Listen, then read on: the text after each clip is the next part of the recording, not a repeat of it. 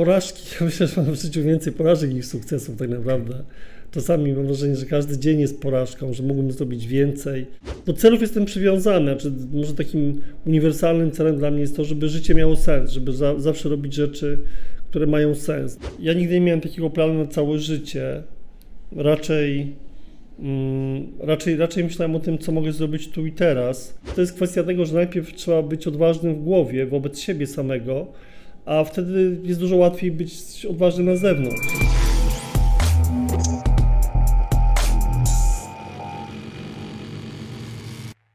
Boom! Witajcie na kanale BFI Logistics, to jest podcast BFI Talks. Ja się nazywam Łukasz, a wspólnie z moim przyjacielem Piotrkiem mamy tą przyjemność rozmawiać z naszymi gośćmi o biznesie, sporcie, pasji, dyscyplinie, rozwoju mentalnym.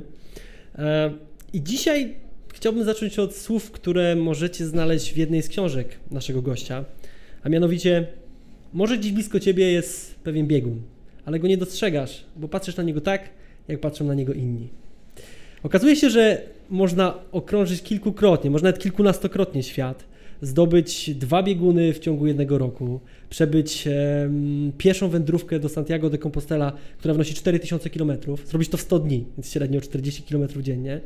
Można wsiąść w samochód elektryczny, pojechać do Japonii, przemierzając szlaki pustyni w Gobi i Syberii. W międzyczasie założyć rodzinę, e, założyć świetnie prosperujący biznes, a przy tym na pytanie, jakim człowiekiem jesteś, odpowiadać, ja po prostu jestem człowiekiem, filozofem. E, strasznie inspirująca rozmowa przed nami, coś na co długo czekaliśmy, bo dzisiaj was, zabieramy Was w podróż wyjątkową, bo podróż w głąb siebie. Z nami polarnik, podróżnik, przedsiębiorca, filozof, człowiek wyjątkowy, który e, daje z siebie bardzo dużo i, i, i, znajduje czas na to, żeby pomagać innym. Marek Kamiński, witamy Ciebie serdecznie. Cześć, cześć, witajcie. Dzień dobry, to dzień dobry. Niezmierna przyjemność Ciebie tutaj gościć. E, fajnie, że znalazłeś nas czas i przy kawie możemy trochę e, porozmawiać o Tobie i o tym, o tym, co robisz. Dzięki, że jesteś z nami. Marku, są takie spotkania, gdzie naprawdę ciężko wymyślić od czego zacząć, e, jakie pytania zadać. Ogrom rzeczy, które osiągnąłeś, porywa. Natomiast każdy z nas ma ten swój początek historii. Wiadomo, że nie będziemy w stanie przebyć całej Twojej e, drogi, którą dotychczas e, przebyłeś. Natomiast e, wracając do tych pierwszych wypraw, tej pierwszej wyprawy do Łodzi, jak chyba byłeś ośmioletnim jeszcze chłopakiem, późniejszych wypraw do Danii, do Afryki, powiedz, jak ta historia się zaczęła i kiedy taka pierwotna pasja przerodziła się na Twój sposób na życie i to, co teraz robisz? W sumie trudno powiedzieć. Myślę, że każdy dzień jest jakby nowym startem i, trudno powiedzieć też, kiedy ta historia się zaczęła. Nie wiem, czy to był e, ten punkt e, taki, kiedy zacząłem podróż, fizyczną podróż. Myślę, że bardziej coś zaczęło w głowie, kiedy mm, w głowie zacząłem sobie układać e, koncepcję podróży. Chyba zaczęło się od tego, że zacząłem rozmawiać samym sobą, jak byłem mały, kiedy czytałem książki i, i jakby zauważyłem, że oprócz tego świata zewnętrznego jest też świat wewnętrzny, jest jakieś wewnętrzne ja, któremu można zadawać pytania, z którym można rozmawiać i z którym można prowadzić dialog. I że mm, jakby zaczęło się pewnie od tego, że zacząłem sobie wyobrazić te wszystkie podróże, to co chciałbym zrobić, zacząłem sobie wizualizować, czyli jako 13-latek myślałem o podróży dookoła świata jachtem. I myślę, że tak naprawdę to w tym, w tych właśnie wizualizacjach czyli w tych podróżach głąb siebie tkwią, odbiciem tego było, były te podróże zewnętrzne. Mhm. Tak mi się wydaje. Natomiast potem oczywiście to jest y, taka sprawa przypadku, że kiedy człowiek do czegoś bardzo dąży, no to za którymś razem mu wyjdzie, prawda? Nie, nie wyprawa samotnie dookoła świata w wieku 14 lat, no to chociaż statkiem do Danii, prawda? Nie, nie wyprawa na Księżyc w wieku 8, to chociaż do Łodzi pociągiem. Więc jakby to jest kwestia tego, że najpierw trzeba być odważnym w głowie wobec siebie samego, a wtedy jest dużo łatwiej być odważnym na zewnątrz. Jakby to jest naturalna konsekwencja. Jeżeli wewnątrz siebie jakby mamy przekonania, wartości, mamy się na czym oprzeć, to bez, jakby mamy ten punkt podparcia i, i możemy poruszyć świat wokół nas. Jeżeli nie mamy tego punktu podparcia w nas samych, jeżeli jesteśmy niepewni, no to myślę, że wtedy trudno jest, jakby ten świat zewnętrzny nas trochę, może nie przeraża, ale no nie wiemy co, jakby nie mamy takiej odwagi, no żeby, ta, nie wiem, chociażby w wieku 15 lat popłynąć statkiem do, do Afryki, tak jak mi to się przydarzyło. Tak mi się wydaje. Także dla mnie wszystko zaczęło się jakby od, e, od wyobrażeń, od wizualizacji. Okay, a później... Chyba nigdy tak naprawdę w życiu nie zrobiłem więcej niż, niż właśnie jako dziecko potrafiłem sobie wyobrazić. Reszta to były tego, tego konsekwencje. Dzisiaj nawet rano właśnie czytałem akurat o Akademii Platona, o Sokratesie, o tym jak, jak właśnie e, żyli filozofowie w starożytnej Grecji i w sumie tak zobaczyłem, że to w jakimś sensie też odtwarzam trochę ten model, więc e, pewnie to wszystko miało miejsce te, te, te korzenie są gdzieś w dzieciństwie. No trochę chyba w ogóle wydaje mi się mentalnie złamałeś schemat, bo to co przydarzyło się tobie, to co wymyśliłeś sobie, te wszystkie wizualizacje, to jest chyba ścieżka, do której ludzie docierają latami i często w wieku już takim dojrzałym, dorosłym e, dopiero zaczynają odkrywać ten e, głąb siebie. To jest piękne. A powiedz, co było dalej? E, było takie kilka pierwszych pod, podróży, e, powstał jakiś taki plan globalny, zrobiłeś sobie listę, gdzie chcesz się znaleźć, co chcesz zrobić, czy jakby dokładałeś te cegiełki po kolei? Nie, myślę, że to wszystko było bardziej intuicyjnie. To znaczy, mm, ja nigdy nie miałem takiego planu na całe życie. Raczej, mm, raczej, raczej myślałem o tym, co mogę zrobić tu i teraz. Oczywiście nieraz te plany były, były dłuższe, tak na przykład jak założyłem firmę, czy oczywiście jak założyłem rodzinę, czy też jak planowałem biegu, no to, to wiadomo, że to trwało jakby ileś czasu, natomiast e, przygotowania. Natomiast e, to nie było tak, że ja sobie jako dziecko zrobiłem plan na całe życie, że muszę zrobić to, tamto i jeszcze coś innego. Zawsze uważałem i teraz do dzisiaj tak myślę, że świat jest pełen możliwości, że jakby nigdy nie wiadomo, co, co nas czeka za zakrętem. Oczywiście zakrętem może nas czekać coś dobrego i coś złego, czy przeciwności, z którymi musimy sobie dać radę, ale to nie jest tak chyba, że w życiu możemy, możemy jakby wszystko zaplanować. Raczej, prawdę mówiąc, e, nie wiem, co będzie ze, ze mną za rok do końca. Mm, myślę, że oczywiście mam te długofalowe plany, takie jak, jak Life Plan Academy, na przykład program mhm. dla dzieci, który robi pisanie książek. Teraz właśnie skończyłem pisać książkę Power for Start, właśnie o tym, jak, znaczy książkę dla młodzieży, o tym, jak wystartować e, w realizacji, jakby do, nie tylko w dorosłe życie, ale też jak realizować marzenia, jak dawać sobie radę. Mm, ale wydaje mi się, że, że gdzieś tam za każdym razem mm, prawie codziennie weryfikuję swój plan i mhm. sprawdzam, czy coś się nie zmieniło, czy coś można dołożyć. Oczywiście nie zmieniam, mam jakieś długo, długofalowe cele, natomiast nigdy nie wiem, jaki to ostatecznie przybierze rezultat. Chociażby ten program Life Plan Academy, który mamy, ten program właśnie pomocy, budowania odporności psychicznej dzieciom. Na początku to były obozy, robiliśmy to dla 25 dzieci rocznie. Naszym marzeniem było to, że będziemy robić to dla, dla 100 dzieci, a przez COVID jakby zmieniliśmy formułę. Mm, nie trzymaliśmy się właśnie kurczowo tej, tej starej formuły, że będziemy robić obozy i tak dalej, tylko stwierdziliśmy, że najważniejsza jest wiedza. Tą wiedzę możemy dostarczać przez szkolenia online. I teraz naszym celem jest milion biegunów, czyli żeby milion dzieci przeszło Petarda. Petarda. przez tą metodę, więc jakby w tym sensie jakby cel, tak naprawdę cel pozostał ten sam. Mhm. Mm, czyli żeby pomagać dzieciom przez dawanie wiedzy, ale, ale, ale, ale, realizacja, ale realizacja, znaczy realizacja tego celu się zmieniła, więc mhm. E, dlatego ja nie jestem, do celów jestem przywiązany, znaczy może takim uniwersalnym celem dla mnie jest to, żeby życie miało sens, żeby za, zawsze robić rzeczy, które mają sens. Nieraz ten sens się, się zmienia, zmieniają się warunki ale generalnie to takim moim nadrzędnym celem jest to, żeby przeżyć życie z sensem. Eterне. Czy, czy, czy podczas tych y, wielu podróży, bo znalazłem informację, że w zasadzie za tobą ponad 80 ekstremalnych podróży w różne zakątki świata, czy tam też tego jakby sensu w jakiś sposób poszukiwałeś? Mm, czy idąc samotnie, przemierzając, nie wiem, choćby trasę na biegun, jest tak, że faktycznie człowiek ma, wiesz, no, dużo czasu na to, żeby pomyśleć i, i, znajduje tam w sobie, no nie wiem, może dociera do takich zakątków mentalnych, do, do których w normalnym otoczeniu takim życia codziennego nie jest w stanie dotrzeć? No to jest w ogóle ciekawy temat, w jaki sposób człowiek poznaje świat i, i w jaki sposób jakby też można poznać samego siebie. Ja studiując filozofię, jakby do, dotarłem do jakichś granic tego, co można było poznać w, w murach uczelni i stwierdziłem, że mm, to, to, to, dla mnie jest jakiś koniec edukacji, yy, powiedzmy wtedy, jak, jak, jak byłem na tych studiach i że pamiętam, że siedziałem w takiej bibliotece właśnie Uniwersytetu, wasz, yy, bibliotece Wydziału Filozofii i myślałem, że jeżeli pomyślałem, że zostanę na uczelni, to zamienię się w kolejną książkę.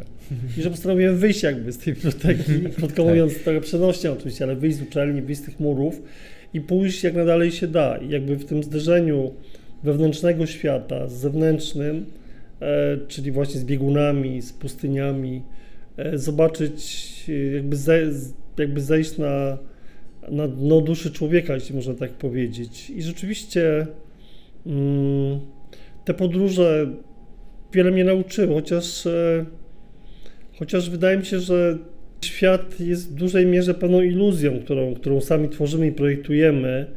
I rzeczywiście jakby dotarcie do, jeśli można tak powiedzieć, prawdziwej wiedzy, czy dotarcie do czegoś prawdziwego nie jest wcale takie, z drugiej strony nie jest łatwe, z drugiej strony to jest pod ręką, więc, e, więc na pewno te, te wyprawy dużo mnie nauczyły, ale pokazało mi też, że, że mają swoje, swoje granice, że jakby mm, ten ekstremalny wymiar świata jest tylko jednym z wymiarów. Jakby innym wymiarem jest pomaganie innym. Gdybym się zatrzymał tylko na super ekstremalnych wyprawach, to myślę, że byłbym ubogim jakby duchowo człowiekiem, mimo wszystko, mimo tych przeżycia tych wszystkich ekstremalnych tak. sytuacji i zagrożenia życia i, i, i wielokrotnej śmierci, którą mogłem ponieść, to mimo wszystko ciągle byłbym, byłbym ubogi, tak jak, e, tak jak to jest chyba w liście świętego Pawła do, do Koryntian, że chociażbyś miał taką siłę, żebyś góry przenosił i mówiłbyś językami wszystkich, wszystkich ludzi aniołów, a miłości byś nie miał, byś był jak cymbał brzmiący albo mięć, brzęcz, albo mięć brzęcząca. W każdym bądź razie mm, każdy wymiar świata, czy to, czy to jest biznes, czy to są wyprawy ekstremalne, czy to jest pomaganie innym, jakby ma swoje ograniczenia i myślę, że jakby dopiero pełnia daje pewne poczucie mm, sensu. I myślę, że tą pełnię jest bardzo trudno osiągnąć w tym życiu, ale trzeba się starać. Pewnie, że tak. No ty, ty świetnie to udowadniasz, tak? I na każdym polu robisz dużo. W tym sensie te no. wyprawy, znaczy, ważne, znaczy też warto wybrać jakiś kierunek, znaczy jakikolwiek. Ja wybrałem ten kierunek wypraw ekstremalnych i to było bardzo dobre, bo najgorzej to się kręcić w kółko jakby, tak? Że jakby próbować wszystkiego po trochu. I, i w sumie dobrze ale to nie jest taka ewolucja, że wiesz, jakby te wyprawy w końcu stały się narzędziem właśnie do pomagania, bo teraz jakby chyba twój główny fokus, priorytet to jest to, co charytatywnie robisz, jak, jak dużo chcesz zrobić w zakresie pomocy i trochę chyba te wyprawy teraz już jakby są po to, żeby wyciągać coraz więcej ludzi, że tak powiem, żeby zachęcać, natomiast priorytetem jest pomoc, prawda? No tak, znaczy wyprawy jakby łączą sobie, wyprawy też mogą być takim narzędziem eksperymentalnym, kiedy wyprawa z Jaszkiem była takim eksperymentem w jakimś sensie. Jak, w jaki sposób podróż na biegun może zmienić życie człowieka, który doznał tak wiele krzywdy. Mm, więc, e, więc wyprawy mogą być też eksperymentami społecznymi. Jakby wszystko, każda rzecz może być narzędziem do, do czegoś mhm. dobrego i do czegoś złego. Książka, wyprawa, e, film, e, więc jak najbardziej. No, wyprawy dają, na pewno dają mi takie poczucie, ja jestem dobry w działaniu, lubię działać generalnie, ale, ale nie lubię działać tak, żeby tylko działać, więc e, mhm. wyprawy łączą to, co lubię, czyli, czyli ryzyko, e, nowe, nowe rzeczy, nowe drogi, nowe sposoby poznawania świata z pomocą innym. A powiedz, y, bo Piotrek poruszył tą kwestię dotyczącą wsparcia innych. Czy zdarza się w Twoim życiu, że dostajesz na przykład sygnał od zupełnie Ci nieznanych ludzi, że dzięki Twoim wyprawom, dzięki temu, mm, co opisujesz w swoich książkach, bo napisałeś już ich kilkanaście, e, ludzie w jakiś sposób jakby zmienili swoje życie, wpłynęli, e, to wpłynęło jakoś mocno na nich? Jak... Tak, tak, tak, cały czas dostaję takie listy i to w zasadzie jest e, taki największy motywator dla mnie, żeby pisać właśnie, tak jak mówię, skończyłem, czasami takie mam wątpliwości, czy, czy warto pisać, że już napisano tyle książek, teraz prawie każdy pisze tak. książki. Ale właśnie dostaję na przykład list od chłopaka, który napisał, że gdyby nie moja książka Idź własną drogą, to rzuciłby się z mostu, że już był no. bliski tego. Albo, albo kiedy szedłem właśnie do Santiago i pamiętam, przyszedł do mnie e, człowiek, który właśnie czytał moją książkę, książkę Moje bieguny i ona pomagała mu w chorobie dwubiegunowej.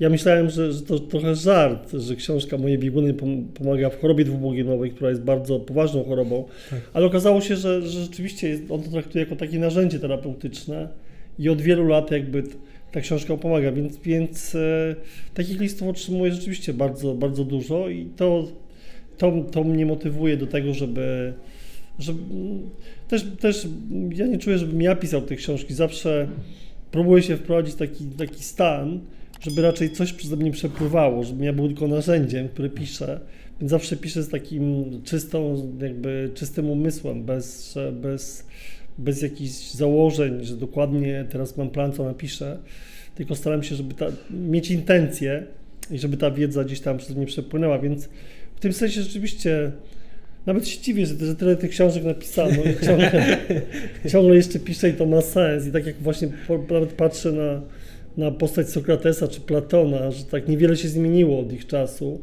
E, z jednej strony, a z drugiej strony jakby mm, widać, że te proste rzeczy, e, takie jak e, właśnie poczucie sensu życia, czy, czy szczęście, czy spełnione życie, czy bycie sobą. One są w ogóle oderwane od tych zmian wszystkich, prawda? To jest w nas, w że środku, to wszystko, nie? Tak, że to wszystko jakby niezależnie od postępu cywilizacji, niezależnie od technologii, że to wszystko jakby ciągle jest bardzo aktualne. No tak, no tak. A powiedz, bo jakby twoja metoda, też jakbyś mógł troszeczkę o tym opowiedzieć, na pewno wiele osób to zainteresuje. E, ona się odnosi do biegunów, e, też chyba czwarty etap mówi o sukcesie i o porażce. Powiedz, jak to u Ciebie, Marku, wygląda? Gdzie był ten biegun ekstremalny sukcesu i porażki? E, miałeś takie momenty, czy Ty raczej tak stoicko do tego podchodzisz i nawet jak się te momenty zdarzają, to starasz się nie wchodzić Ja emocjonalnie? chyba nie jestem stoikiem, bo czasem mi się zdarza, że płaczę na przykład jak czytam książki albo jak oglądam filmy. Aha, Także raczej nie, czasami się staram oczywiście, jak jestem na wyprawie, czy jak jestem, jak jestem, jak jestem przewodnikiem, to, to muszę jakby, to wtedy staram się zaadoptować te narzędzia, być stoikiem. mhm. Ale tak z natury chyba nie jestem jednak stoi, stoikiem, a i raczej jestem człowiekiem takim wewnętrznie, gdzieś tam mam emocje i staram się je przeżywać do końca. Mhm. Natomiast takie dwa bieguny, myślę, że jeden, jeden taki biegun chyba pamiętam dokładnie, to, to kiedy doszedłem na biegun południowy właśnie w 95 roku i zdobyłem dwa, dwa bieguny w jednym roku. E, Jednocześnie staraliśmy się pomóc właśnie wtedy dzieciom, które umierały na raka tu- tutaj w szpitalu w Gdańsku. I, I one szły jakby ze mną podczas tej wyprawy, towarzysząc mi mm, poprzez komunikaty, które wysyłałem. I, na, na, w bazie Amucerańskota dostałem od nich list. I to rzeczywiście wtedy się popłakałem, pamiętam, i pomyślałem, że, że jakby jeżeli, jeżeli dla czegoś e, warto było iść, to właśnie dla tych dzieci. I to mnie potem rzeczywiście też trzymało w tym, żeby, żeby pomagać innym. I to jakby dla wielu z tych dzieci to była pierwsza i ostatnia wyprawa w życiu, bo, bo większość, duża, większa część z nich umarła w ciągu roku od tej wyprawy. Ale to rzeczywiście było, był bardzo taki mocny biegun. Z jednej strony taki biegun osobisty, spełnienia właśnie, dotarcie na dwa bieguny, a z drugiej strony mm, taka świadomość, że takie czysto fizyczne czyny y, mogą mieć dużo, dużo, większe, dużo większe znaczenie niż sobie wyobrażamy, czyli y, człowiek, człowiek strzela, a Pan Bóg kulę nosi, można powiedzieć. Więc to był, to był jeden ten mój biegun właśnie, e, kiedy dostałem te- te listy właśnie od dzieci na biegunie południowym. A drugi biegun to myślę, że to pewnie byłoby coś bardziej takiego osobistego, związanego z narodzinami dzieci, ze, ze ślubem, z, z rodziną. Myślę, że, że to byłoby takie zwykłe, codzienne życie w domu po prostu z dziećmi. I to, że, że jakby no, że, że jeździliśmy razem na wyprawy do Japonii, do, mm, do Chorwacji, pływaliśmy jachtem. Jechali, właśnie moja córka była, e, miała wtedy chyba 13 lat, albo zaraz, e, to było 4 lata temu. To było 3 lata temu, więc miała wtedy 13 lat. Była ze mną na wyprawie właśnie do Japonii samochodem elektrycznym, jechaliśmy razem przez Koreę. Także no takie rzeczy bardzo, bardzo, bardzo zwykłe, osobiste bym powiedział. Super. To dwa bieguny. A jeszcze, aha, porażka, pora, biegun porażki. Właśnie chciałem pytać. Porażka. Mm, porażki, ja myślę, że mam w życiu więcej porażek niż sukcesów tak naprawdę. Czasami mam wrażenie, że każdy dzień jest porażką, że mógłbym zrobić więcej. Mhm. Myślę, że. Mm, myślę, że w jakimś sensie dla mnie porażką może jest to, że nie potrafię się zatrzymać, że ciągle jakby chcę iść dalej. Wydawało, można byłoby się zatrzymać i jakby cieszyć się tym, co już udało się osiągnąć, Mhm. a gdzieś ciągle czuję się niespełniony i to, to jest dla mnie taka mm, no taka, taka osobista może porażka. Natomiast z takich wielkich porażek to zawsze się starałem jakby z tych dużych porażek zrobić coś dobrego, więc w tym sensie porażka była tylko odwrotną stroną sukcesu. Tak, oczywiście, lekcją. Albo była trampoliną. Tak. E, nawet jeżeli ta trampolina była pod 100 metrów pod wodą, to była ciągle trampoliną, z której, z której mogłem się odbić po prostu, żeby, żeby, żeby wypłynąć na powierzchnię i zrobić coś, coś z tym. Ale za- myślę, że porażki to jest ciekawe, żeby, żeby umieć. e, Porażka ma w sobie zawsze energię i potencjał, i, i wektor jakby tej energii przeważnie nas gdzieś tam spycha w dół, ale jeżeli potrafimy właśnie w myślach ten wektor odwrócić, to może Staje być taka siłą, energia, Tak. która nas wykatapultuje. Bo w życiu najważniejsza jest energia tak naprawdę i to, co z nią robimy, a y, porażki niosą z sobą energię bez wątpienia. Mhm, tak. No trochę powiem Ci znak czasu, bo ja oczywiście w mikroskali, e, ale pamiętam jak dziś byłem w, akurat w podróży dookoła świata e, i skończyliśmy w e, Szwecji w hotelu, mieliśmy ostatni nocleg i zaczęliśmy myśleć właśnie co dalej, jaka następna wyprawa i pamiętam wróciłem, opowiadałem Łukaszowi, kurczę, to jest złe, to jest złe, właśnie zwiedziłem cały świat zamiast się skupić na tym, czego doświadczyłem i jakby zatrzymać się na moment, to już myślałem o kolejnych jakby planach e, i trochę chyba ludzie są w takim biegu, w sensie skala twoja jest, wiesz, nieporównywalna do większości śmiertelników, ale, ale chyba to dotyka nas po trochę wszystkich, nie, tak na co dzień, nie, to, to, to nie jest dobre, nie. Znaczy, z drugiej strony to tak myślę, że właśnie ta świadomość tego, jeżeli mamy świadomość tego, że, tego brakuje, to pozwala się zatrzymać jednak i cieszyć się. Mhm. Może, nie- może nie do końca, zostaje jakiś niedosyt, ale chyba na tym polega życie też, że mm, ciągle jest coś nowego, gdy życie jest ruchem. No, tak, Rozmawiamy tak. sporo o podróżach i tak jak y, w Twoim wymiarze mam poczucie, że bieguny też nabierają różnego znaczenia, tak samo te podróże mm, dla mnie przybierają różną definicję. Mówisz dużo o podróży w głąb siebie, ale ja chciałbym dzisiaj spytać też o tej podróży intelektualnej. Jaką jest biznes? Bo w międzyczasie, pośród tych y, dziesiątek podróży, założyłeś rodzinę, y, stworzyłeś biznes, który dzisiaj znakomicie funkcjonuje. I to w ogóle w branży, która mnie trochę zaskoczyła, bo to armatura, więc y, zupełnie coś, o co bym Ciebie nie podejrzewał. Natomiast gdybyś mógł trochę opowiedzieć, skąd pomysł na to, jak to się odbyło i, jakby, jak, to połączyłeś też ze swoją pasją, jaką są podróże właśnie. Mhm. Pomysł w sumie mm, był, taki bardzo przypadkowy, ponieważ y, ja studiowałem w Niemczech filozofię, wróciłem do Polski i, i znajomy poprosił mnie, żeby, żeby zamówić dla niego zawory kulowe z Włoch. E, Ja te zawory zamówiłem, te- jakąś taką niedużą partię i potem on ich nie odebrał. E, Więc ja zostałem z, z tymi zaworami. No okazało się, że okazało się, że jakby to było bardzo, bardzo dobrze się stało, ponieważ okazało się, że ja zapłaciłem za te zawory własnymi, własnymi środkami, ale przebitka na nich była w sensie marża chyba dziesięciokrotna czy dwudziestokrotna. Dziesięciokrotna może powiedzmy, czyli 1000% marży. Więc e, bez, be, ponieważ wtedy założyłem taką firmę i właśnie zastanawiałem się, co zrobić, więc bez większego zastanowienia jakby no, skalowałem to, czyli coraz większe partie. Okazało się, że, że było, był popyt na, na te rzeczy. No i potem jakby siłą rzeczy, ponieważ w Niemczech dużo pracowałem jako student w spółdzielni studenckiej i wykonywałem różne prace, takie, takie jakie przychodziłem rano i nie wiem, czasami to było zmywanie garków, czasami to były, były na przykład targi, e, targi jachtów w Düsseldorfie albo jeżdżenie 20, 20-tonową ciężarówką w porcie albo e, bycie kurierem, przewożenie dokumentów różnego rodzaju w Hamburgu, bo było w Hamburgu. Więc, więc jakby poznałem biznes, można powiedzieć, od takiej kuchni, od podszewki, jak to wszystko działa i doskonale wiedziałem, jaka jest rola marketingu, finansów yy, i tak dalej.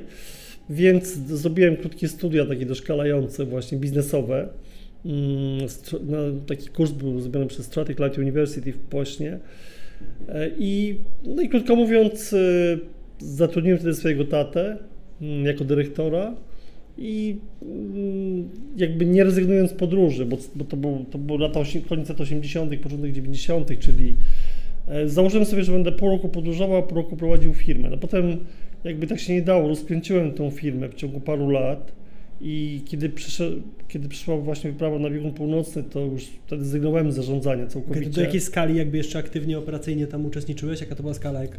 No to już nie pamiętam, to było pewnie chyba kilkanaście milionów złotych rocznie obrotu, może kilkadziesiąt, kilkadziesiąt, może kilkadziesiąt, kilkadziesiąt milionów, e, może około 50 osób było wtedy zatrudnionych. Teraz Tak. to jest skala powyżej 100 milionów obrotu i powyżej i 120 osób.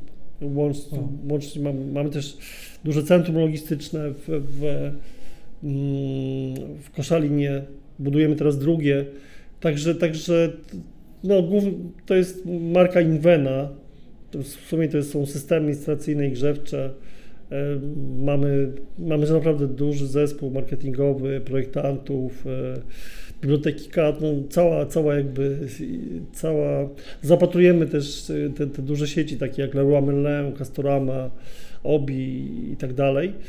Natomiast ja w tej chwili bardziej, osoba, którą pierwszym zatrudniłem do tej firmy, Dorota Bireta jest teraz prezesem, daje sobie radę dużo lepiej niż ja, natomiast ja teraz e, e, stwierdziłem, że właśnie mm, dla mnie mm, takie najważniejsze jest dzielenie się tą wiedzą, którą zdobyłem. Stąd jakby e, teraz rozkręcam, można powiedzieć, od nowa inny biznes, nazywa się Marek Kamiński Academy. To są, to są właśnie procesy szkoleniowe dla, dla, dla dużych firm. E, Mamy takich pięć tematów, w których chcemy się specjalizować. Przygotowujemy teraz pierwsze produkty, to jest e, właśnie odporność psychiczna, e, budowanie zespołów, e, prawdziwa tożsamość, osiąganie celów i restart, czyli, czyli taki, taki start na nowo, w nową rzeczywistość, adaptacja do, do nowej rzeczywistości. I tutaj budujemy takie, takie naprawdę bardzo nowoczesne mm, narzędzia w oparciu o platformy e, do, do, do, do nauczania, w oparciu o też o, o moją wiedzę, o metodę biegun. Także to jest jakby ten Marek Kamiński Akademii, to jest jeden taki duży projekt, który w tej chwili rozkręcam. To ma być też projekt globalny, a drugi to jest właśnie taki projekt, to jest non-profit, non-profit czyli fundacja i Lifepan Academy. To jest to samo, ale w wersji e, bezpłatnej dla szkół, dla organizacji, gdzie są młodzi ludzie. Naszą grupą docelową jest w tej chwili grupa 14-18, ale już przygotowujemy też dla młodszych dzieci ten program. Właśnie budujemy głównie odporność psychiczną, poczucie własnej tożsamości, e, poczucie własnej wartości, mm, radzenie sobie z porażkami, mm, to jak, w jaki sposób niemożliwe może stać się możliwe.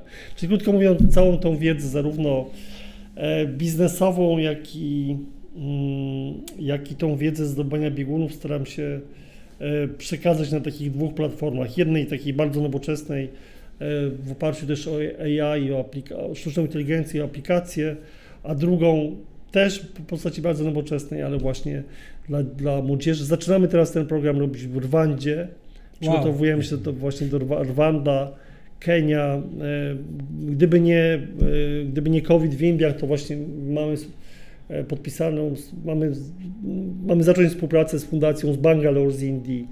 E, m, Także bardzo szeroko myślę o tym programie, Ilu, ilu, bardzo mentorów, globalnie. ilu mentorów y, W tej chwili zbieracie? mamy dw- 15 15-20 trenerów train the trainer, czyli takich master trenerów, którzy ja ich osobiście wyszkoliłem w tamtym okej. roku. Mamy narzędzia, manuale i oni z kolei y, szkolą trenerów już w organizacjach, którzy Mhm. model jest taki, że my mamy metodę, podręczniki, e, przekazujemy przez szkole, poprzez online, przez szkolenia e, online, przekazujemy tą wiedzę dla trenerów, którzy są w organizacjach, przekazujemy też bezpłatnie materiały i trenerzy potem pro, przeprowadzają ten program Life Plan Academy już w danym na przykład w SOS Wioski Dziecięce czy Fundacja Aktywizacja mm, z podopiecznymi. Natomiast trenerów metody mamy, mamy w tej chwili e, chyba prawie 100 certyfikowanych i około 300 w procesie szkolenia łącznie. Także, także Duży projekt. to wszystko jakby mm, bardzo dzięki temu, że też może dzięki temu, że jako filozof zajmowałem się też fizyką i teorią modeli i matematyką, to, to bliskie mi jest takie myślenie systemowe, myślenie strukturalne I taką myślę, że moją umiejętnością jest zamiana idei w rzeczywistość. Mhm. Czyli jakby prze- przeniesienie struktury, którą mam w myśle, transfer tego w rzeczywistość. Jak, jak najprostszą jak najbardziej skuteczną drogą. Okej, a, teraz, a teraz powiedz, no wiadomo, największym zaszczytem jest praca z Tobą. Jak organizujesz czas? No bo to są duże przedsięwzięcia, dużo jest zaangażowanych ludzi. Znajdujesz jeszcze czas, żeby też być z tymi młodymi adeptami e, Akademii, czy jakby to już jest troszeczkę oderwane od Ciebie? To znaczy ja tak, po pierwsze tworzę też te programy. Nie można być, e, nie można być wszędzie. Na pewno e, ja nie chciałbym, to jest to ostatnia, ostatnia rzecz, którą bym chciał, to żeby to był taki one man show. Czyli, że ja jestem wszędzie po prostu Mhm. obecny. Nie, właśnie chodzi o to, że e, żeby to, to trenerzy byli takimi prawdziwymi mistrzami tej metody, żeby oni żyli tą metodą. Natomiast ja rzeczywiście, na przykład mam zamiar teraz prowadzić, jest taki zakład, jest zakład poprawczy w Poznaniu, w którym teraz wdrażamy tą metodę. I tam obiecałem rzeczywiście, że, że pojadę i, i, i, i spróbuję z nimi popracować. Natomiast generalnie to tak nagrywam filmy, które są właśnie, jestem obecny poprzez filmy, poprzez książki. E, Czas, czasami jestem też obecny na, na szkoleniach z trenerami. Natomiast tak jak mówię, mm, myślę, że dobry program e, działa sam, Mhm. bez, e, bez jakby, jeżeli to byłby program, który tylko by dlatego działał, że ja bym tam się pojawiał, to znaczy, że merytorycznie byłby to bardzo słaby, taki celebrycki program. Tak, tak, tak. Także ja jestem zwolennikiem tego, żeby metoda działała, a, a, a niekoniecznie ja. No pewnie. No trochę tak też w przedsiębiorstwie. My z Łukaszem też tą drogę przechodzimy już kilka lat, ale dążymy do tego, żeby przedsiębiorstwo jakby nie było zależne od naszych kompetencji. E, tak jak ty trenerów, my też staramy się czy wyszkolić, czy znaleźć ludzi, którzy no, de facto są od nas lepsi. No ty jesteś tym jądrem, ale faktycznie cała ta struktura musi chodzić bez ciebie. Tak, no bo inaczej jest, to jest jakby, jeżeli jest słaby punkt, e, to wtedy no, mm, to jest ograniczenie po prostu, Mhm. nie? Więc e, może, ja myślę, żeby w przyszłości po, połączyć jakby wyprawę dookoła świata, którą chcę zrobić właśnie, Mhm. żeby połączyć ją jednocześnie z wykładami, czyli żeby jechać i odwiedzać właśnie te różne miejsca, gdzie jest młodzież i, i dawać takie wykłady na temat tej metody na całym świecie. To myślę, żeby, żeby to połączyć, ale, ale generalnie staram się, żeby, e, żeby to trenerzy byli takimi mistrzami tej metody, Mhm. że oni, żeby oni żyli tą metodą i ją przekazywali, bo inaczej e, to, to, to, to byłoby słabo po prostu, gdyby, gdyby tylko to zależało ode mnie. Okej, a jeszcze, bo, bo wspomniałeś właśnie o tej ekspedycji dookoła świata, bo ten Human Experience, czy on się w końcu w pandemii odbył w wersji online, tak jak było zapowiadane? No mniej więcej tak, robiliśmy te wykłady, tak, zrobiliśmy to w wersji takiej online'owej. No myślę, że to, co teraz robimy Live Plan Academy, to jest właśnie Mhm. przedłużenie tej, tego. Tak naprawdę to, to jakby to, że się nie odbyła ta wyprawa, to właśnie pozwoliło na, nam zagospodarować te zasoby i, i odpalić, można powiedzieć, to Live Plan Academy. Mhm. To jest jakby przedłużenie tego e, Power for Change Human Expedition. Tak, a powiedz, bo jakby ta innowacja, ona aż tam y, przesiąka całym tym projektem. E, skąd pomysł na udział Noa w tego robota, który miał z tobą podróżować? Jak, jak to się zaczęło? Jak to wymyśliście? chodziło o to, żeby, no żeby jakby to była taka trochę wyprawa w przyszłość też, więc żeby to, co jest jakby prawdopodobne w przyszłości, czyli właśnie obecność robotów, obecność sztucznej inteligencji, żeby, ona, żeby ta sztuczna inteligencja była obecna w tej wyprawie. Okej, Stąd pomysł. super. Marku, mm, mówisz, że jeden z modułów y, w Akademii to, to restart. On chyba dosyć teraz y, w obecnych czasach jest, jest bardzo istotny, ponieważ adaptujemy się wszyscy do pewnego nowego środowiska. Zastanawiam się, czy w trakcie panującego szkodnika mm, ty w jaki sposób to mentalnie przepracowywałeś? No, tobie pewnie nieodłącznie towarzyszy jakaś taka tęsknota za nieodkrytym, za, za, za, za podróżami. Ja teraz nagle w Gdyni e, osiadłeś, nie było za bardzo tych możliwości. Czy mm, Znaczy możliwości, bo ja byłem na Tahiti w tym roku. Okej, okej, okej, możliwości były, pewnie. Miesiąc, Jasne. Przez miesiąc byłem, no to, to wszystko z naszej głowy tak naprawdę. Jasna sprawa. Akurat, e, znaczy myślę, że, że tutaj dla mnie to, to jakby to, że jestem, to nie jest żadnym ograniczeniem, absolutnie, wręcz przeciwnie, to, to jest, to stworzyło mi przestrzeń do tego. Ja zawsze staram się mówię, traktować jakby wyzwania, ograniczenia jako, jako szansę tak naprawdę. Więc e, jakby COVID spowodował, że, że, że przestrzeń e, którą miałem przeznaczoną naprawdę dookoła świata, mogłem przeznaczyć na, na budowanie tych programów, więc e, myślę, że to, to, była niezwy- to, to jest ciągle niezwykła przygoda, konstruowanie tych programów i, i to w ogóle jakby to wręcz jakby przeciwnie, pracuję dużo bardziej intensywnie niż przedtem. Więc e, jakby nie czuję żadnych ograniczeń. Po prostu jest taka sytuacja i trzeba się do niej przystosować. E, mm, I, i tyle. Natomiast natomiast myślę, że jak, jak jakby te ograniczenia miną, to rzeczywiście pomyślę o tej wyprawie dookoła świata z robotem. Bo jakby ogląda nas dużo młodych widzów i wiemy doskonale... Ja, ja na przykład, y, oczywiście na początku to było, było takie, nie, nie wiedziałem jakby, no, rok temu nie wiadomo było, czy jakby y, jaka będzie przyszłość, czy moja firma przetrwa i, i tak dalej, prawda? Natomiast e, ja od razu wróciłem do takich rytuałów, które miałem przez tej wyprawy na biegu, czyli żeby właśnie mieć porządek dnia, rytm, żeby wiedzieć do czego dążę. Wyznaczyłem sobie nowe cele, zamiast Spisujesz, czy świata. tylko jakby myślisz o nich, czy gdzieś tam masz... Nie, nie, mam, mam piszę, absolutnie dużo bardzo piszę, rysuję, mam nawet takie ściany, na których mogę pisać. ściany, które można, i mam parę ścian kredowych, na których mogę pisać kredą, mam parę ścian, na których mogę pisać mazakami. A, także, także nie, dużo, dużo piszę, dużo wizualizuję, jakby z jednej strony mam te cele w głowie, ale z drugiej strony je zapisuję, także, także dla mnie od razu w zasadzie to Life Plan Academy w tej nowej wersji Marek Kamiński Academy stało się takimi celami. Od razu też celem stało się napisanie książki, jakby, która będzie e, jakby sumować te moje doświadczenia, jak przetrwać w takich czasach. Także napisałem jedną książkę, Power for Change, wydałem ją. E, odniosła sukces, teraz będzie drugie wydanie. W tej chwili, właśnie wczoraj dosłownie skończyłem pisać drugą książkę dla młodzieży, Power for Start tytuł, mhm. bardziej graficzną. Ona właśnie mnie zmuszała do tego, żeby dużo, zresztą na, Twitter, na Facebooku, na Instagramie są strony z tej książki, dużo mhm. właśnie rysowałem. E, także nie, no, cele jakby wyznaczanie sobie takich długofalowych celów, do których się dąży, to jest dla mnie podstawa przetrwania i mhm. zawsze, jakby niezależnie od tego, w jakiej sytuacji jesteśmy, zawsze te cele można znaleźć. Znaczy, mi, jest, mi jest bardzo bliskie takie zdanie Szekspira, że choćbym był zamknięty w skorupce orzecha i tak będę władcą nieskończonych przestrzeni.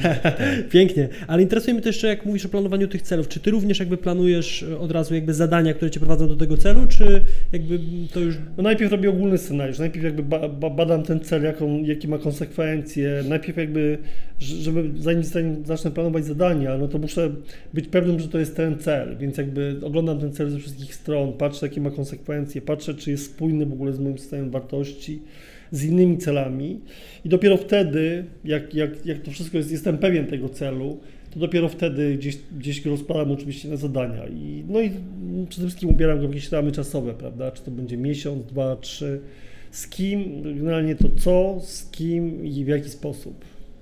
A powiedz Marku, bo... Ale zadania no. oczywiście, no zadania są, są podstawą a to wsparcie, bo jakby kilkukrotnie się przewinęło przez naszą rozmowę to, że obok ciebie są ludzie, to są całe sztaby, całe zespoły. Możesz opowiedzieć o tym, bo jakby... Sztaby, rozdzielone zespoły. Wiesz, jakby wyprawy kojarzą się z tym, że idziesz sam, e, osiągasz te już jakby cele właśnie e, indywidualnie, natomiast e, jak ci ludzie, jak ich dobierasz? Czy to są tacy zawsze, którzy jakby od dziecka tobie towarzyszyli? Jakie wsparcie daje ci rodzina? Opowiedz o tym troszkę też. Mm to znaczy tak, jeżeli chodzi o fundację, no to, to właśnie Dorota Bileta, która jest prezesem fundacji, to z nią pracuję już od 30 lat. I tutaj jakby zespołem, zespół fundacji liczy 5 osób, to nie jest duży zespół. E, I z tym, z tym zespołem pracujemy nad Life Plan Academy.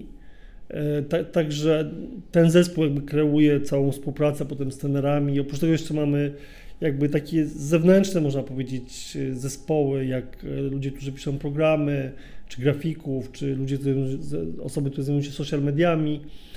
Drugi zespół także to jest mały zespół, pięć, pięć osób. Ale Drugi... wiesz, jakby chodziło mi o to, że też masz tych y, trenerów, jakby czy bierzesz udział sam w wyborze tych osób, no bo wiesz, przekazują taką treść, która może zmienić życie młodych ludzi. Tak, więc ja dużo się opieram na intuicji. Ja zdobyłem ten, ten jakby, mm, można powiedzieć, zasiew, ten, ten zasiew trenerów, czy, czy ten trochę jak, e, prawie jak z Biblii, bo to było tak, że, że ja po prostu zrobiłem takie nagranie na, na, na LinkedInie, że zapraszam, że no w życiu ważne jest też pomaganie innym i mhm. zapraszam właśnie trenerów, którzy chcieliby się podzielić swoim czasem jako wolontariusze do tego, żeby wypłynąć na głębie. Mhm. No i że wypłyniemy na głębie razem. No i zgłosiło się wtedy właśnie około, 20, około 30 osób, to było rok temu ja przyjąłem, przyjąłem, że wszyscy, którzy się zgłosili, że będę ich szkolił, że mhm. jakby ci, którzy mm, jakby, że to wszystko samo się wyklaruje. Jeżeli ci, którzy nie będą mogli z jakichś powodów, czy nie będą czuli tego, czy nie będą na, si- na siłach tego robić, to po prostu jakby sam, sama rzeczywistość, nie, że ja nie muszę weryfikować. No i Mhm. tak, tak zrobiliśmy i zo- po szkoleniu zostało e, 15 osób. Z tymi osobami jakby do dzisiaj, one są jakby trzonem tego wszystkiego, podstawą. Więc to było takie intuicyjne po prostu. Po, pomyślałem sobie, że mm, sam tego nie zrobię. Nie mamy też środków do tego, żeby zapłacić każdemu trenerowi za to, żeby, żeby że jakby ja się dzielę swoim czasem. Że, założyliśmy, że, że 8, 8 godzin bodajże miesięcznie można, jeżeli ktoś chce, to może poświęcić właśnie na to, żeby dawać coś innym. Ja mi to du- bardzo dużo daje, że daję coś innym, więc stwierdziłem, że być może znajdę No takie tak. inne osoby. Więc to było w ten sposób. To, Więc Okej. ja to robię dosyć tak intuicyjnie, nie, nie. Natomiast jeżeli chodzi o z kolei o Marek Kamińskiej Akademii, to też się okazało, że jedna właśnie z trenerek, z którym pracowałem, że ona ma doskonałą wiedzę na temat e, szkoleń. No i też stworzyliśmy taki wewnątrz jakby mały zespół czteroosobowy, nad którym pracujemy. To jest taki, taki startupowy bardziej program. E, Odnieśliśmy porażkę taką, że chcieliśmy złożyć do, do NCBR-u właśnie Mhm. e, ten, ten projekt e, stworzenia takiej aplikacji, ale się okazało, że stwierdziłem, że, że to jest po prostu, mm, przerost, że MCB jest trochę przerostem formy nad treścią, czyli że, że za ten wkład własny w tym programie możemy stworzyć jakby te rzeczy, które, które miały być wynikiem tego, tego projektu badawczego. Krótko mówiąc, e, poświęciliśmy prawie pół roku na przygotowanie dokumentacji. Ja chyba na Okej. dwa dni przed złożeniem wniosku powiedziałem, że nie składamy tego. Okej. Także taka duża porażka dla nas, dla Aha. zespołu, ale ta porażka mam nadzieję, że będzie kamieniem węgielnym do, do następnych sukcesów. Ale, ale tu, także to są takie zespoły mniej więcej. Oczywiście no, w fundacji jest zespół, e, w, w, Inwenii jest zespół 120 osób, ale ja e, jakby z tym zespołem nie pracuję. Jestem tylko, nawet nie jestem w Radzie Nadzorczej. Także, także, ale bardzo blisko pracuję z Dorotą, która jest prezesem i tak jak mogę wspieram oczywiście. Jestem też doradcą zarządu, więc wspieram ten zespół, ale to nie jest taka praca operacyjna. Głównie pracuję, także nad wszystkimi, tymi wszystkimi projektami to ja pracowałem z takimi małymi zespołami. To były, to były zespoły cztero, pięcioosobowe, to nigdy nie były większe zespoły. E, Nad projektem z Jaśkiem pracowaliśmy chyba trzy osoby na początku. Także e, to, to może się wydawać, ale mm, im większy zespół, tym większe koszty, tym, tym wszystko jakby zależy oczywiście. No, Czasami jest tak, że projekt się przeradza w, jakby w, w organizację, w firmę, to wtedy te zespoły są oczywiście, oczywiście stają się większe. Mam nadzieję, że tak będzie w przypadku właśnie tego startupu Marek Kamińskiej Akademii, że, i że też Life Plan Academy tak by przejdzie tą fazę taką e, organizacyjną i stanie się jakimś standardem, który będzie na całym świecie. Wtedy rzeczywiście to będą może duże zespoły, ale na razie to są e, takie, Mhm. bym powiedział, mikrozespoły. Okej. A rodzina? Powiedz, bo też... Rodzina, mm, ja, no, po, po, Polajka i moje dzieci są głównie głównymi testerami jakby Aha. nowych rozwiązań, ja im pokazuję okładki, pokazuję im pomysły swoje, dyskutuję to z nimi, także tak jak no każdy, jakby, każdy, jakby każdy ma swoje życie, to nie jest, to nie jest tak, e, że ja żyję grami, w który, które gra mój syn Okej. i odwrotnie, prawda? Myślę, że każdy ma własną drogę ja nie próbuję jakby robić czegoś takiego, żeby teraz wszyscy.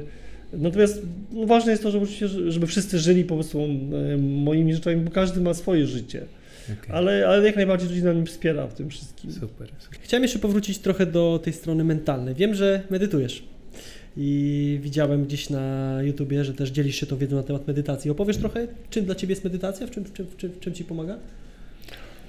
Medytacja pozwala mi chyba uz- mm, pozwala mi się skoncentrować, pozwala mi mieć fokus, ale też e, ponieważ nie będę teraz rozwijał tematu, ponieważ uważam, że świat jest pewną iluzją, e, w pewnej części jest iluzją i, dużo jest iluzji, inaczej dużo jest iluzji, nie cały świat jest iluzją, ale dużo, szczególnie w świecie, w którym żyjemy, jest iluzji, więc e, medytacja poz, pozwala mi jakby oczyścić umysł z niepotrzebnych myśli i zobaczyć to, co ważne. W najbliższym, największym skrócie. Codziennie medytujesz? Czy... Codziennie, tak, tak. Ale to jest tak, że jakby umysł produkuje myśli. Nie wszystkie myśli są potrzebne, więc y, tak jak myśli są trochę jak chmury. No, czasami warto oczyścić niebo, żeby, żeby zobaczyć Zobaczyć słońce i gwiazdy. Tak. A jak, powiedz, jak do tego doszło, bo mnie Łukasz też zachęcał, ja troszeczkę, że tak powiem, zaczerpnąłem wiedzy na ten temat, próbowałem. Czy był taki moment, gdzie poczułeś, że potrzebujesz czegoś do organizacji jakby wewnętrznie właśnie tego przepływu myśli? E, Czy to jakoś tak naturalnie, wiesz, e, wynikło z doświadczeń, które gdzieś Nie, naturalnie. Potem szedłem, szedłem chyba przez Grenlandię. To, to była jedna z moich pierwszych wypraw polarnych i rzeczywiście byłem tak na skraju przeżycia. Myślałem, że umrę po prostu z wysiłku. Zacząłem liczyć do tysiąca. I to, to mi bardzo pomagało. Po prostu wiedziałem, że taki byłem zmęczony, nie miałem sił, już prawie umierałem i nagle liczyłem do tysiąca i wszystko było ok. No i to właśnie, mm, wtedy nie wiedziałem, że to jest medytacja, ale to był taki dla mnie początek medytacji, czyli właśnie e, zamiast myślenie o tym, co będzie i jak się źle czuję i tak dalej, to po prostu liczenie, oczyszczenie się z tych myśli. No i potem zacząłem to pogłębiać, czyli, czyli właśnie albo liczyć oddechy. Mm, Wyjechałem też na taki, mm, na taki, taki kurs jakby medytacji. Zostałem zaproszony w zasadzie przez takiego mistrza Roshi do San Francisco, do Sonoma Mountain Zen Center, ale też przeszedłem przez ćwiczenia duchowe świętego Ignacego, przez fundament. Także jakby czerpałem, też uczyłem się medytacji od świętej Teresy Zawi albo od świętego Jana od Krzyża, czy właśnie od Ignacego Loyoli. Więc jakby mm, to się stało dla mnie takim, takim naturalnym początkiem i końcem dnia. Pamiętam, jak powiedział właśnie ten mój mistrz, którego pobierałem nauki w San Francisco, że bo się zapytałem go, ile powinienem medytować dziennie, czy, czy 20 minut, czy pół godziny. On powiedział, że lepiej 5 minut codziennie niż pół godziny raz na tydzień. No i tego się Jak ze wszystkim. Okej, dokładnie. Jak ze dokładnie. wszystkim. Tak. W najbliższym czasie jakieś plany podróżnicze, jakby z, poza tymi projektami biznesowymi, non-profit, czy coś jeszcze? No myślę właśnie tutaj w planie dookoła świata w przyszłym roku, jak e, właśnie samochodem elektrycznym, więc powoli się do tego A, okej. przymierzam. Okej, a czemu samochód elektryczny? No, żeby oszczędzać naturę. Okej, No. Chodzi o to, żeby oszczędzać naturę, żeby nie zanieczyszczać jej właśnie spalinami. no Taki tak. symbol, Super. żeby było no trace, czyli bez zostawienia śladów. O, super. Super. Bo ta Japonia chyba projekt bardzo udany. Tak, bardzo, bardzo. Świetnie. Czego ci życzyć, powiedz? Wszystkiego dobrego. Wszystkiego dobrego. Super, to tego życzymy. Bardzo Ci dziękujemy za wizytę. E, Zapraszamy. Wszystkie informacje o Marku znajdziecie pod Tak, wywiadem. Ja Wam I też dziękuję bardzo, super rozmowa. Mam Także- nadzieję, że znajdzie się czas po wyprawie, żeby jeszcze raz się Tak złapać. jest, trzymam kciuki, Dzięki żeby Wam się inspiracji. wszystko udało. Dziękujemy Wszystkiego bardzo dobrego. Marku wzajemnie, a tymczasem subskrybujcie, dajcie łapę w górę, komentujcie, może macie jakieś pytanie do Marka, to wrzucajcie. Dzięki Wam możemy docierać do tak ciekawych gości, dzielić się wiedzą, inspiracją. Dziękujemy serdecznie Markowi za dzisiaj i co, lecimy dalej. Pozdrawiamy, trzymajcie się. Hej, hej.